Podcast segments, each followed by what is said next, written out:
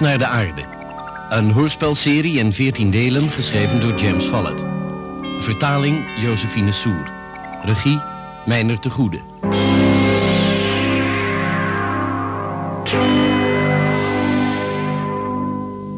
Vierde deel. Landing op Kiros.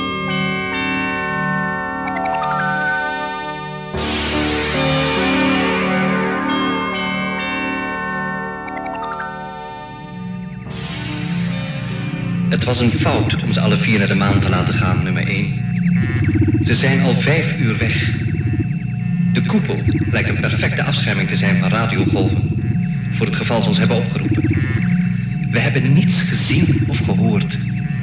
Maar het was nodig dat ze gingen, nummer 2. Daar waren we het toch over eens. Zonder de bemanning zijn we nergens. Zonder de aarde zijn we ook nergens. Telson en de anderen zijn onze enige hoop om erachter te komen wat er van de aarde is geworden. We moeten geduld hebben.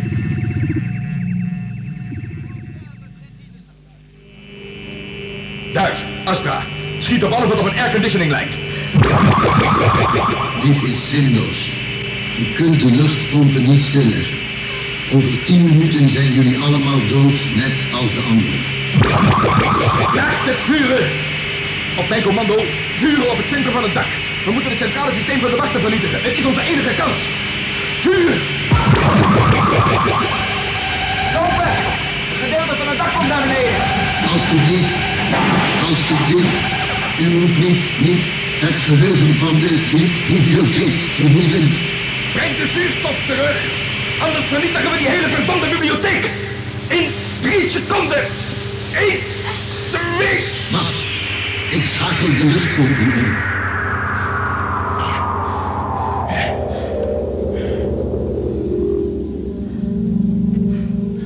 Vertel eens, wachter. Als u niet gelooft dat wij, of in ieder geval onze grootouders van de aarde komen, waar denkt u dan dat we vandaan komen? Ik heb geen inlichtingen over de vijanden van de aarde. Ik weet alleen dat ze er waren. Een half miljoen jaar geleden, nietwaar? Ja, toen de aarde ons zonnestelsel verliet. Maar Hoe weet u dan of ze er nog steeds zijn, die vijanden? Daarover heb ik geen inlichtingen. Ik ben geprogrammeerd om iedereen te vernietigen die hier voorbij komt en naar de aarde vraagt. Of zegt dat hij er vandaan komt. Ik moet ook de bibliotheek bewaken van het solaire keizerrijk totdat de zon een nova wordt. Er is een conflict. Maar waarom?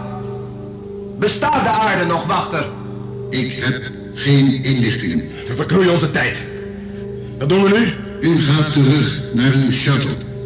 Het loodsysteem brengt u weer in een baan om de maan, zodat u terug kunt gaan naar uw moederschip. Ik zal u één ding zeggen. Als u van de aarde bent, dan denkt u ook zoals de aardbewoners dachten. U zult handelen zoals zij. Daarom zal het u niet moeilijk vallen om de aanwijzingen te volgen die zich zullen voordoen. We hadden dus geen keus, Engel 1. We moesten terug naar de Challenger. Het is absoluut waar dat de wachter niet weet waar de aarde naartoe is gegaan. Hij weet alleen dat het een half miljoen jaar geleden was. Ik weet niet of jullie iets kunnen beginnen met die informatie. Ik heb overleg gepleegd met Engel 2. Bijzonderheden en data over het begrip tijd zijn verloren gegaan bij de grote meteorietinslag. Miljarden megabyte aan informatie zijn toen vernietigd. Onze geliefde engelen geven hierbij dus toe dat ze niet onfeilbaar zijn. Het heeft geen zin de waarheid te verhelen. Ik zal eens wat zeggen over de waarheid. Engel 1, Duif. dit moet toch gezegd worden, Telsen. Als jij het niet doet, doe ik het. Dit schip had de opdracht om 420.000 aardjaren weg te blijven. Dat zou het equivalent zijn geweest van 50 scheepsjaren. In plaats daarvan zijn we 115 scheepsjaren weg geweest en dat zijn 1 miljoen jaar op aarde. Waar ze ook mag zijn en als ze nog bestaat. Waarom hebben jullie Telsen verder laten zoeken toen hij commandant werd? Of wisten jullie niet dat tijd en ruimte met elkaar verbonden zijn? Er is zoveel informatie verloren gegaan tijdens de grote meteorietinslag. Ik begrijp het. Nu jullie zo goed als toegegeven hebben dat jullie niet onfeilbaar zijn, geven jullie de grote meteorietinslag van alles de schuld. is dat voor geluid? Wat voor geluid, Darf? Een soort pulserend geluid. Ik hoor niets. Jij, Engel 1? Ik hoor wel een miljoen geluiden tegelijk, commandant. Maar niets dat niet klopt. Maar luister dan. Ah. Nee, niet meer. Alsjeblieft. Darf, ik denk dat je wat oververmoeid bent. Zou dat kunnen? Het was een vermoeiende dag. Engel 1. Ik ga wat slapen. En Darf, nadat je geslapen hebt? Nadat ik geslapen heb... Ja, ga ik de androïden een paar dagen helpen op de fruitkwekerij. Daar heb ik zin in. Is dat goed, commandant? Ja, natuurlijk. Dank u, commandant. Soms begrijp ik niets van hem, Engel 1. Neem het hem maar niet kwalijk. Dat doe ik ook niet, commandant Telsen.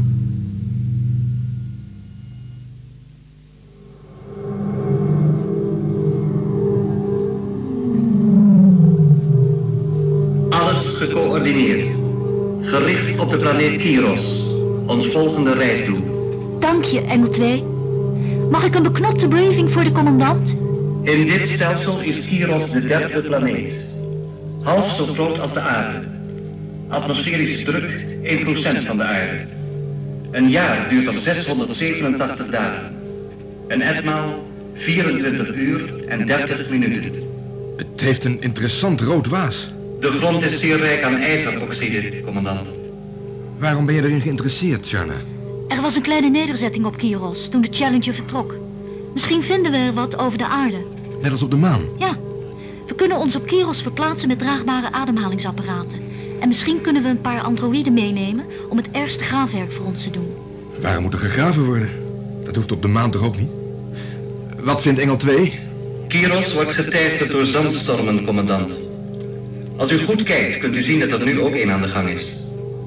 De atmosfeer is dan wel dun, maar een half miljoen jaar van die stormen is voldoende om alles wat door mensenhand gemaakt is met meters zand te bedekken.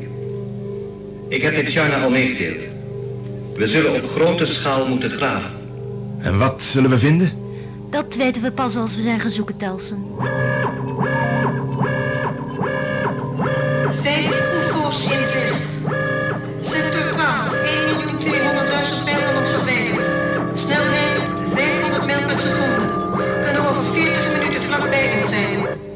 Ik heb ze gelokaliseerd, commandant. Waarschijnlijk vijf meteorieten. Grootte 4 en in gesloten formatie. We zijn in het observatorium, Astra. We moeten ze misschien zien te ontwijken. Hoe wil je dat doen? Ze zijn weg, commandant Telsen. Ik had vijf meteorieten in sector 12 en nu zijn ze weg. Ik bevestig de vindingen van Astra. Wat zeggen de oude herinneringsrapporten hiervan? Engel 1 en 2?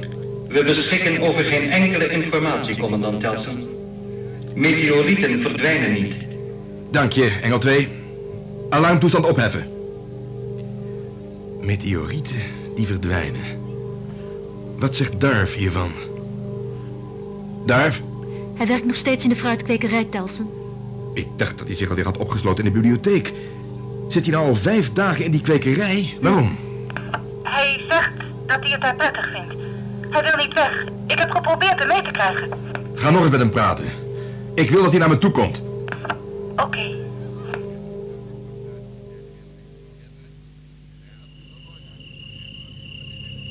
En? Vier containers gevuld, George. Niet genoeg. Moet hulp komen. Waarom ben je opgehouden met werken? Iets fout? Ik rust uit, George. Ik heb drie uur non-stop appels geplukt. Maar jij weet niet wat dat is. Uitrusten. Mensen doen alles en doen alles slecht.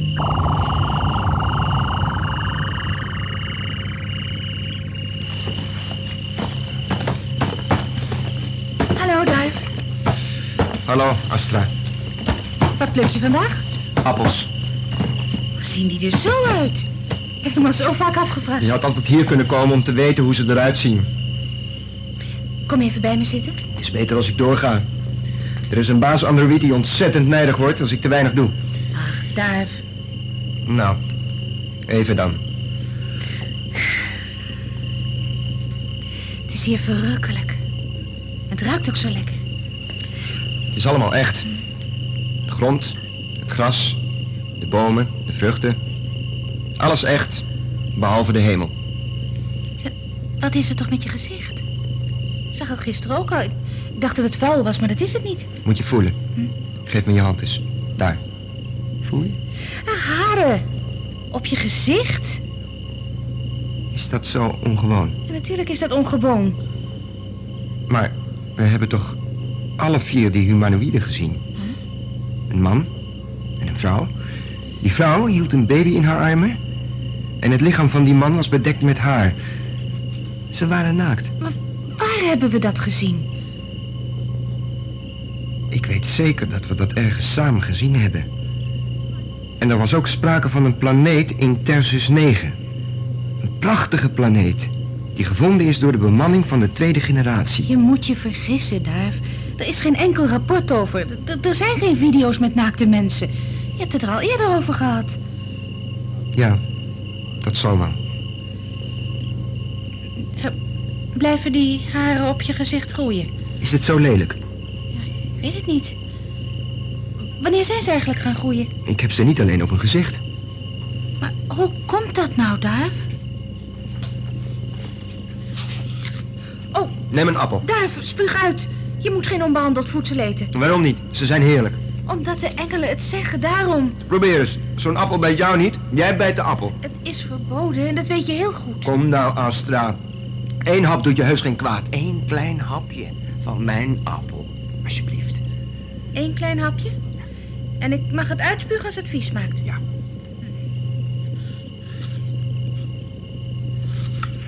Mm, En? Dit is het lekkerste wat ik ooit heb geproefd. Het lijkt helemaal niet op de appelsap die wij krijgen. Heb ik het niet gezegd? Het is niet te geloven. En daar, waar ga je naartoe? Je houdt toch van bramen? Kom mee.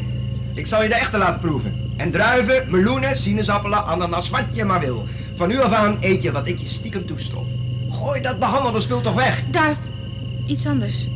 Je moet terugkomen van commandant Telsen. Dat zei je gisteren ook al. We willen koers zetten naar Kiros. Er is daar ooit een nederzetting van ons geweest. En er is een goede kans dat er ruïnes zijn en voorwerpen die ons iets meer te weten doen komen over het lot van de aarde. En er is ook een zwaartekrachtprobleem waar we je bij nodig hebben. Wiens idee is dit? Van commandant Telsen, denk ik. Wat kijk je nou verbaasd? Dan is er nog hoop voor ons. Astra, Telsen denkt waarachtig na. Ja, goed. Ik kom terug.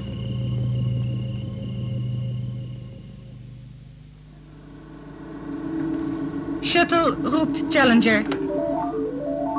Ga je gang, Astra. Wij naderen de dampkring van Kiros. Alles wel aan boord. Vliegen op automatische piloot. Hitteschild ingeschakeld. Ik vind de computer die dit ding bestuurt prima, Astra. Hij is niet mededeelzaam, maar hij doet zijn werk. Hij functioneert heel anders dan Engel 1 en 2, die altijd willen argumenteren en overhalen. Engel 1 en 2 zijn geen computers, Duif. Oh, jawel, dat zijn ze wel, schatje. Vijf, vier, drie, twee, één. Kijk, dat bedoel ik nou. Geen gezeur, gewoon doen. We verliezen hoogte met een snelheid van 5000 voet per minuut. Veiligheidsriemen vast, Duif. Wat zal er gebeuren, denk je, als we de dampkring binnengaan? Dan krijgen we een paar klappen en stoten, schatje. Ik wou dat je me niet zo noemde, Duif.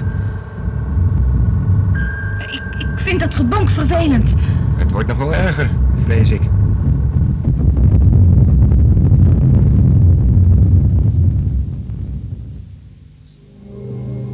Kijk nou toch hoe ze heen en weer gegooid worden in die dampkring. We hadden ze nooit moeten laten gaan. Er is geen gevaar, Sharna. Daar zorgen de hitteschilden voor. En als er iets aan de hand is met de zwaartekracht, dan komt Darf daar vast wel achter. Shuttle roept Challenger. Het bonken is opgehouden. We glijden rustig naar beneden. Mooi zo. We waren even ongerust. Hou de verbinding open en meld je over 70 minuten als we weer boven de horizon uit zijn. Begrepen, commandant. En denk aan je opdracht.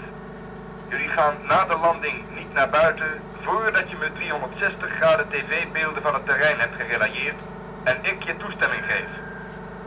Ik wil dat jullie landen op een afstand van 100 meter van de door ons waargenomen onregelmatigheid in de zwaartekracht. Goed begrepen? Jawel, commandant. Succes. Over en uit. Duif, je belooft me toch dat je doet wat commandant Telsen heeft gezegd, hè?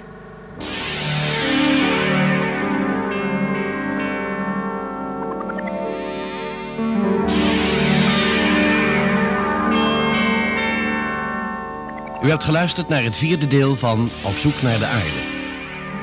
U hoorde de stemmen van Jan Wechter, Hans Hoekman, Angelique de Boer, Trudy Libosan, Hans Dagelet, Maria Lindes, Ad Hoeimans en Jan-Anne Drent. Techniek Henk Brouwer en Henk van der Steeg. Regie Meender te Goede.